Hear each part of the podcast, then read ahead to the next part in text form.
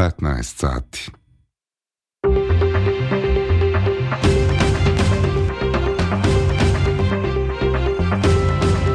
Radio Novi Sad. Novosti.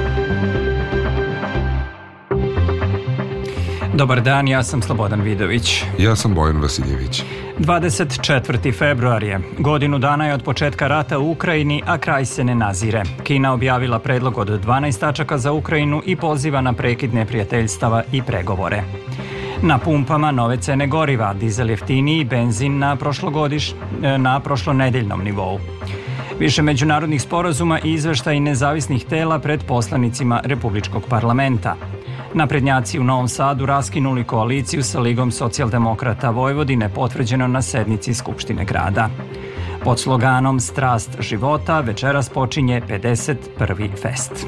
Sutra kiša, krajem dana zahlađenje, kažu meteorolozi u nedelju sneg. Sutra temperatura do 14 popodne u padu. Sada je u Novom Sadu 16. Prošlo je godinu dana od početka rusko-ukrajinskog rata najvećeg na tlu Evrope u ovom veku koji je zapretio i globalnom miru uvodeći svet u novu blokovsku podelu. Smirjevanje konflikta se ne nazire, a na celoj liniji fronta zaoštravaju se borbe. Najžešće su do sada bile oko Mariupolja, Lišićanskog, Bahmuta, Donjecka, Luganska i Zaporožja. Razorena je ukrajinska infrastruktura, a na cvet se nadvila i nova nuklearna pretnja. Rusija danas kontroliše oko 15% ukrajinske teritorije. Broj žrtava još se utvrđuje, ali su već i procene zastrašujuće jer je reč o stotinama hiljada ubijenih vojnika na obe strane. Do sada je potvrđeno i više od 8.000 stradalih civila, a procenjuje se da ih je i do 30.000. Raseljeno je oko 14 miliona ljudi, a šteta je do sada procenjena na oko 350 milijardi dolara. Srbija je glasala za rezoluciju Generalne skupštine Ujedinjenih nacija kojom se osuđuje ruska invazija na Ukrajinu, a Rusija poziva da povuče vojsku iz te zemlje. Za rezoluciju je glasalo 141 država, 32 su bile uzdržane, a 7 protiv. Protiv rezolucije bile su Belorusija, Eritreja, Kongo, Mali, Nikaragva, Rusija i Sirija. Kina je objavila dokument od 12 tačaka u kojem detaljno iznosi svoj stav o ratu i poziva na mirovne pregovore. Taj dokument je najavljen kao svojevrsni mirovni plan i nagoveštaj za aktivniju ulogu Pekinga u rešavanju sukoba.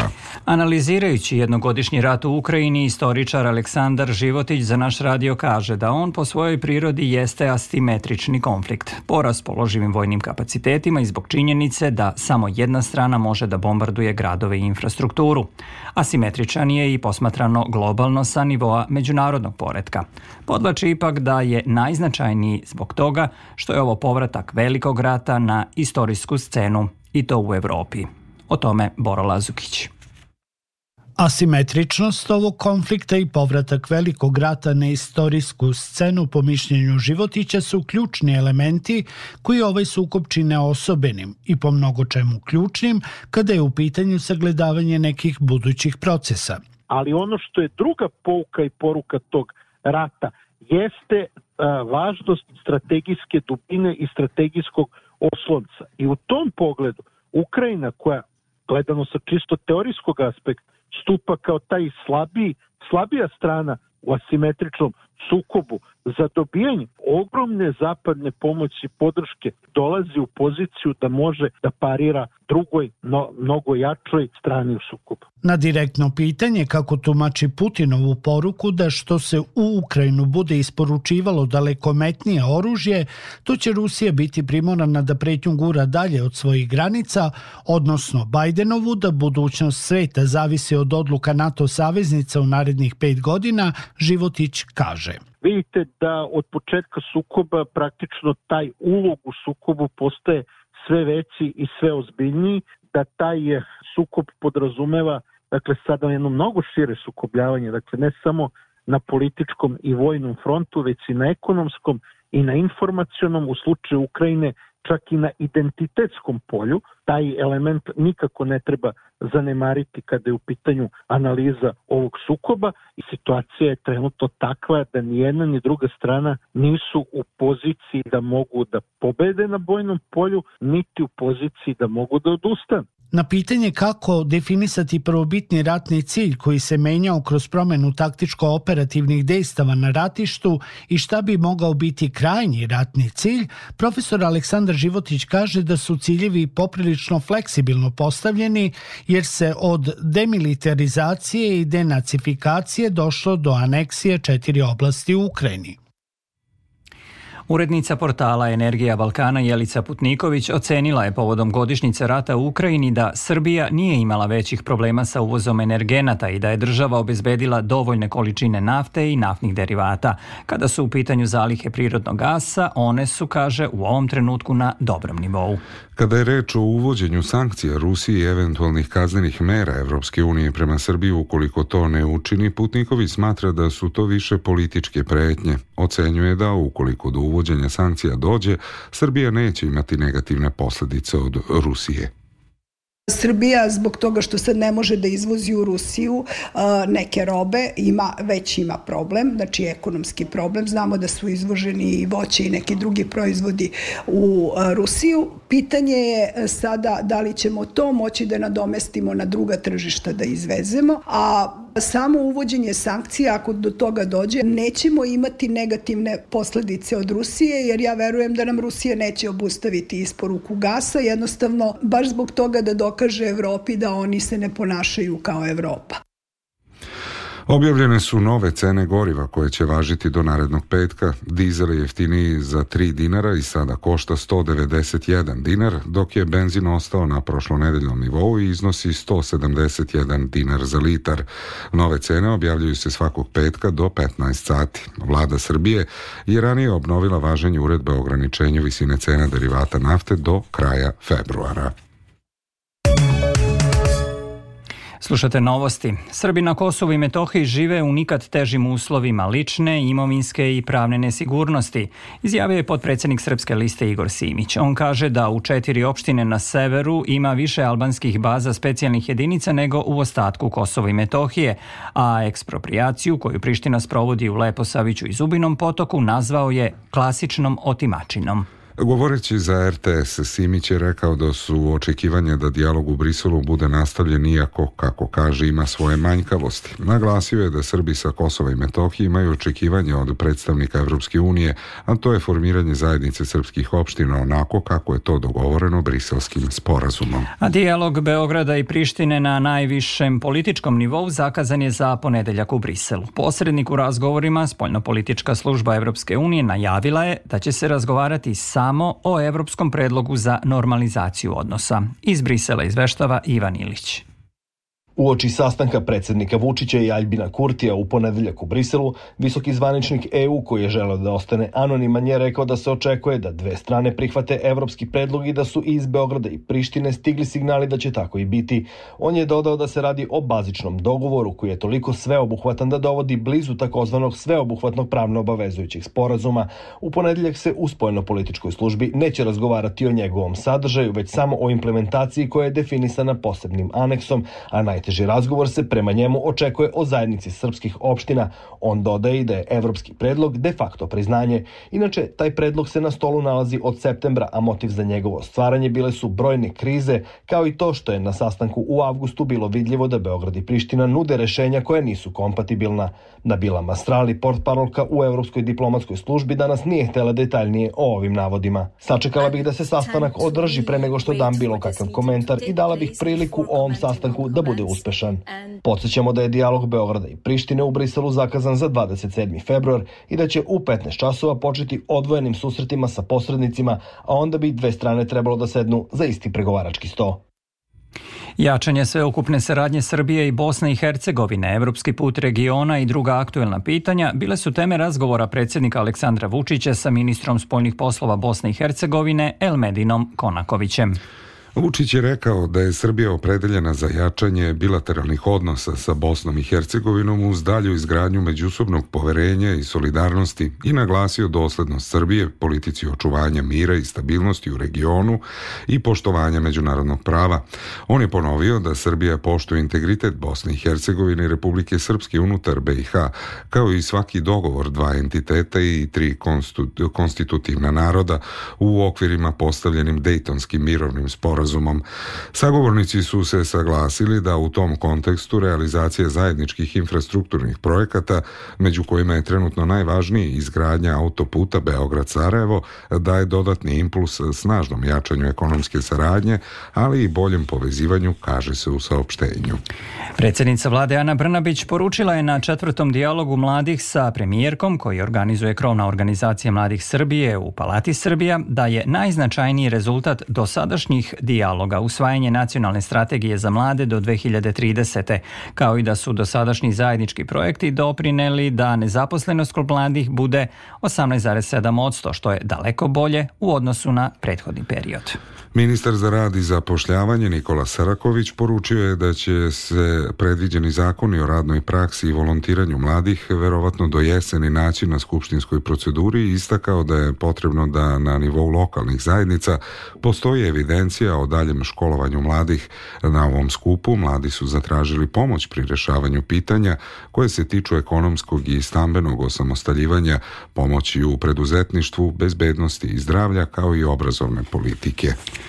Na drugom vanrednom zasedanju Narodne skupštine raspravlja se o 26 tačaka, među kojima su predlozi kandidata za direktore Agencije za sprečavanje korupcije, finansijski sporazumi i ugovori o zajmu, izmene zakona o učešću naše vojske u međunarodnim operacijama, kao i izveštaj o radu nezavisnih regulatornih tela. Opširnije Milijana Kočić. Ministarka pravde Maja Popović predložila je tri kandidata za direktora Agencije za sprečavanje korupcije koji su nakon sprovedenog konkursa imali više od 80 poena na stručnom testu. Predložene su sledeći kandidati. Dejan Damjanović 100 bodova, Dragan Sikimić 95 bodova, Dr. Kosta Sandić 83 boda. Zakon o upotrebi vojske u multinacionalnim operacijama menja se i dopunjuje kako bi bilo omogućeno učešće u operacijama u vojnim misijama Evropske unije u Mozambiku, na Sinaju, kao i u misijama preko borbene grupe Hebrok, objasnio je ministar odbrane Miloš Vučević. Angažovanje pripadnika Vojske Srbije i drugih snaga odbrane u multinacionalnim operacijama odnjenih nacija Evropske unije predstavlja značajan element spoljne politike i konkretan doprinos očuvanju međunarodnog mira i bezbednosti. Republika Srbija učešćem u multinacionalnim operacijama dokazuje da je aktivni činilac očuvanja međunarodnog mira i bezbednosti, potvrđuje sobstveni ugled i jača poverenje u vojsku Srbije u međunarodnom okruženju. Raspravlja se i o potvrđivanju finansijskog ugovora za železnički koridor 10 sa Evropskom investicionom bankom i ugovora o deonici između Beograda i Niša koji kreditira Evropska banka za obnovu i razvoj. O značaju usvajanja tih zakona govorio je ministar saobraćaja i infrastrukture Goran Vesić. Kada budemo završili prugu između Beograda i Niša do kraja ove decenije, Niš će biti povezan brzom prugom sa Budimpeštom, a posle nastavljamo izgradnju brze pruge do Preševa. Procenjena ukupna vrednost izgradnje pruge između Beograda i Niša je 2 milijarde 775 miliona evra. Naredna decenija biće decenija ulaganja u pruge. Poverenica za zaštitu ravnopravnosti Brankica Janković podnela izveštaj o radu te kancelarije za 2021. A pored ostalog narodni poslanici razmatraće i izveštaj Agencije za energetiku, Kancelarije za javne nabavke, Državne revizorske institucije i Fiskalnog saveta. Glavna tema Skupštine grada Novog Sada koja se održava drugi put ovog meseca ponovo su promene u vladajućoj koaliciji. Nakon što je Srpska napredna stranka početkom meseca zahvalila na saradnji POKSu, Sada je raskinula koaliciju i sa Ligom socijaldemokrata Vojvodine. Pojedinosti Marija Maleš. Aleksandar Kravić iz Lige socijaldemokrata Vojvodine podneo ostavku na mesto člana gradskog veća zaduženog za saobraćaj. Zamenit će ga Aleksandar Bulajić iz redova socijalista. Umesto ligaša Damira Kondića na funkciju VD direktora vodovoda i kanalizacije doći će na prednjak Uroš Lončar koji je podneo ostavku na mesto direktora tržnice, najavio je gradonačelnik Novog Sada Milan Đurić. To je ono zbog čega smo i zakazali. Sednicu Skupštine grada Liga od danas više neće biti koaliciji sa vladajućim većinom Šef odborničke grupe Lige socijaldemokrata Vojvodine u Skupštini grada, Robert Kolar, pokušao je da objasni kako uprkos velikom ideološkom neslaganju prilikom formiranja koalicije sa Srpskom naprednom strankom pre više od šest godina je postojalo uverenje da je komunalna koalicija na gradskom nivou moguća. To se vremenom pokazalo kao neizvodljivo. Umeđu vremenu je došlo i do sve značajnijeg upliva visoke politike u lokalnu samoupravu, Socijalisti u Skupštini grada smatraju da su njihovi odnosi sa naprednjacima čvrsti i stabilni, o čemu, kako kažu, svedoči imenovanje njihovog kadra za člana gradskog veća. A osim kadrovskih rešenja, odbornici raspravljaju danas i o detaljnoj regulaciji univerzitetskog kompleksa, kao i o donaciji pokrajine od 143 miliona dinara za nabavku opreme za čistoću. Slušate novosti prvog programa radija Radio Televizije Vojvodine. Paviljon Pokrajinskog sekretarijata za privredu i turizam otvoren je danas u hali 1 Beogradskog sajma. Pokrajinski sekretar Nenad Ivanišević istakao je na Međunarodnom sajmu turizma u Beogradu da sekretarijat za privredu i turizam zajedno sa Garancijskim fondom Vojvodine, kako je naveo, veoma posvećeno nastoji da istakne i što uspešnije predstavi sve što je najbolje iz Vojvodine u četiri sajamska dana. Počasni gost na otvaranju Vojvođanskog paviljona bio je ambasador Indije u Srbiji Sanjiv Koli, čija zemlja predstavlja svoje turističke potencijale u okviru paviljona sa ciljem da i turističko tržište Vojvodine bude približeno turistima iz te države. Kultura Pod sloganom Strast života večeras počinje 51. fest. Svečano će biti otvoren međunarodnom premijerom filma Zločin je moj reditelja François Ozona. Na otvaranju će biti dodeljene nagrade Beogradski pobednik za izuzetan doprinos filmskoj umetnosti. Ovogodišnji dobitnici su reditelj Lordan Zafranović i srpsko-američki producent Dobrivoje Tanasijević, poznati kao Dentana. Opširnije Ana Čupić.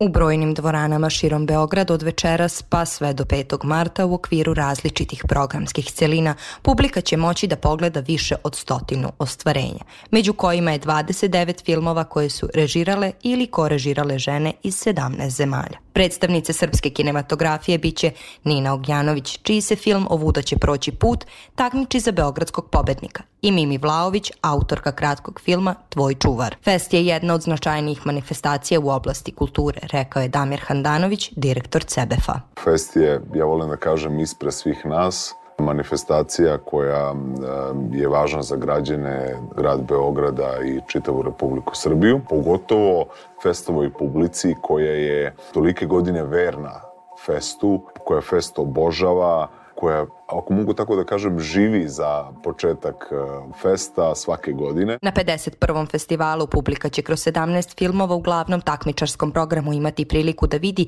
i pojedine kandidate za Oscara, nagrađene filmove sa najvećih svetskih festivala, kao i nekoliko novih naslova sa tekućeg 73. Berlinala.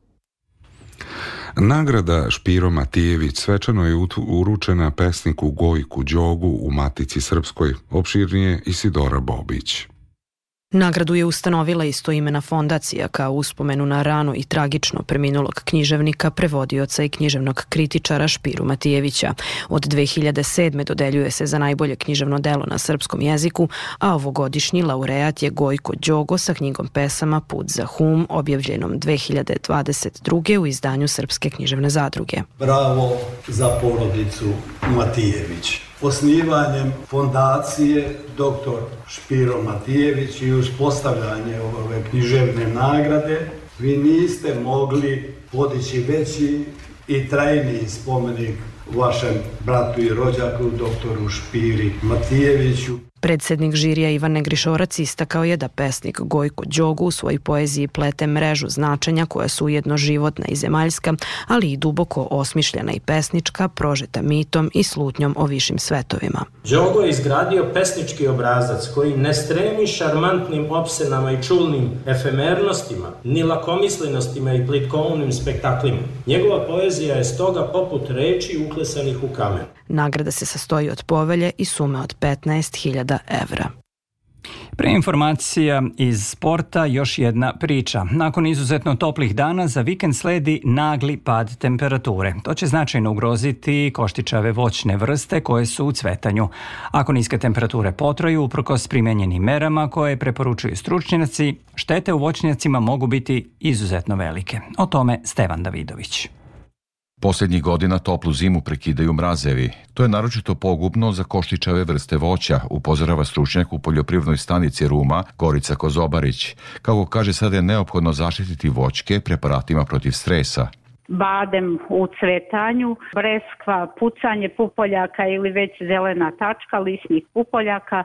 Koliko budu jako niske temperature može doći do izmrzavanja. Koristiti sredstva tipa epina, svih onih koji bi mogli ublažiti neke manje niže temperature, ne one ekstremno niske. Ukoliko bude tih e, ispod nule, stepen 2, možda i može se spasiti, a ukoliko bude dosta niže temperature, teško kod onih voćnih vrsta koji su u fazi obrazovanja cvetnih pupoljaka. Od mraza je naročito teško zaštititi velike zasade voća. Pokušava se i sa mehaničkim merama zaštite, ali kako objašnjava sagovornica, sve zavisi od položaja terena i dužine trajanja mraza. To zavisi od temperature, koliko je niska, ukoliko je ekstremno niska, isto su mali, e, slabi efekti. Pokazalo se od prošle, prekprošle godine kad smo imali te ekstremno niske temperature, e, da i zavisi od ekspozicije terena i dužina mraza, koliko je trajala ta niska temperatura i to je jako bitno.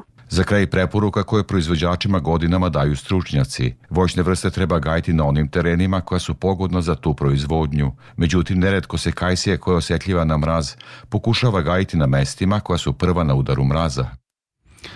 Sport. U predposlednjem kolu kvalifikacija za plasma na svetsko prvenstvo košarkaši Srbije od 18 sati gostuju Grčkoj. U 25. kolu košarkaške Evrolige Crvena zvezda od 19 sati u dvorani Aleksandar Nikolić dočekuje Nemačku Albu. U 23. kolu domaćeg futbalskog šampionata od 16 časova Vojvodina dočekuje radnik iz Surdulice dok se od 18 sati sastaju Čukarički i Kolubara.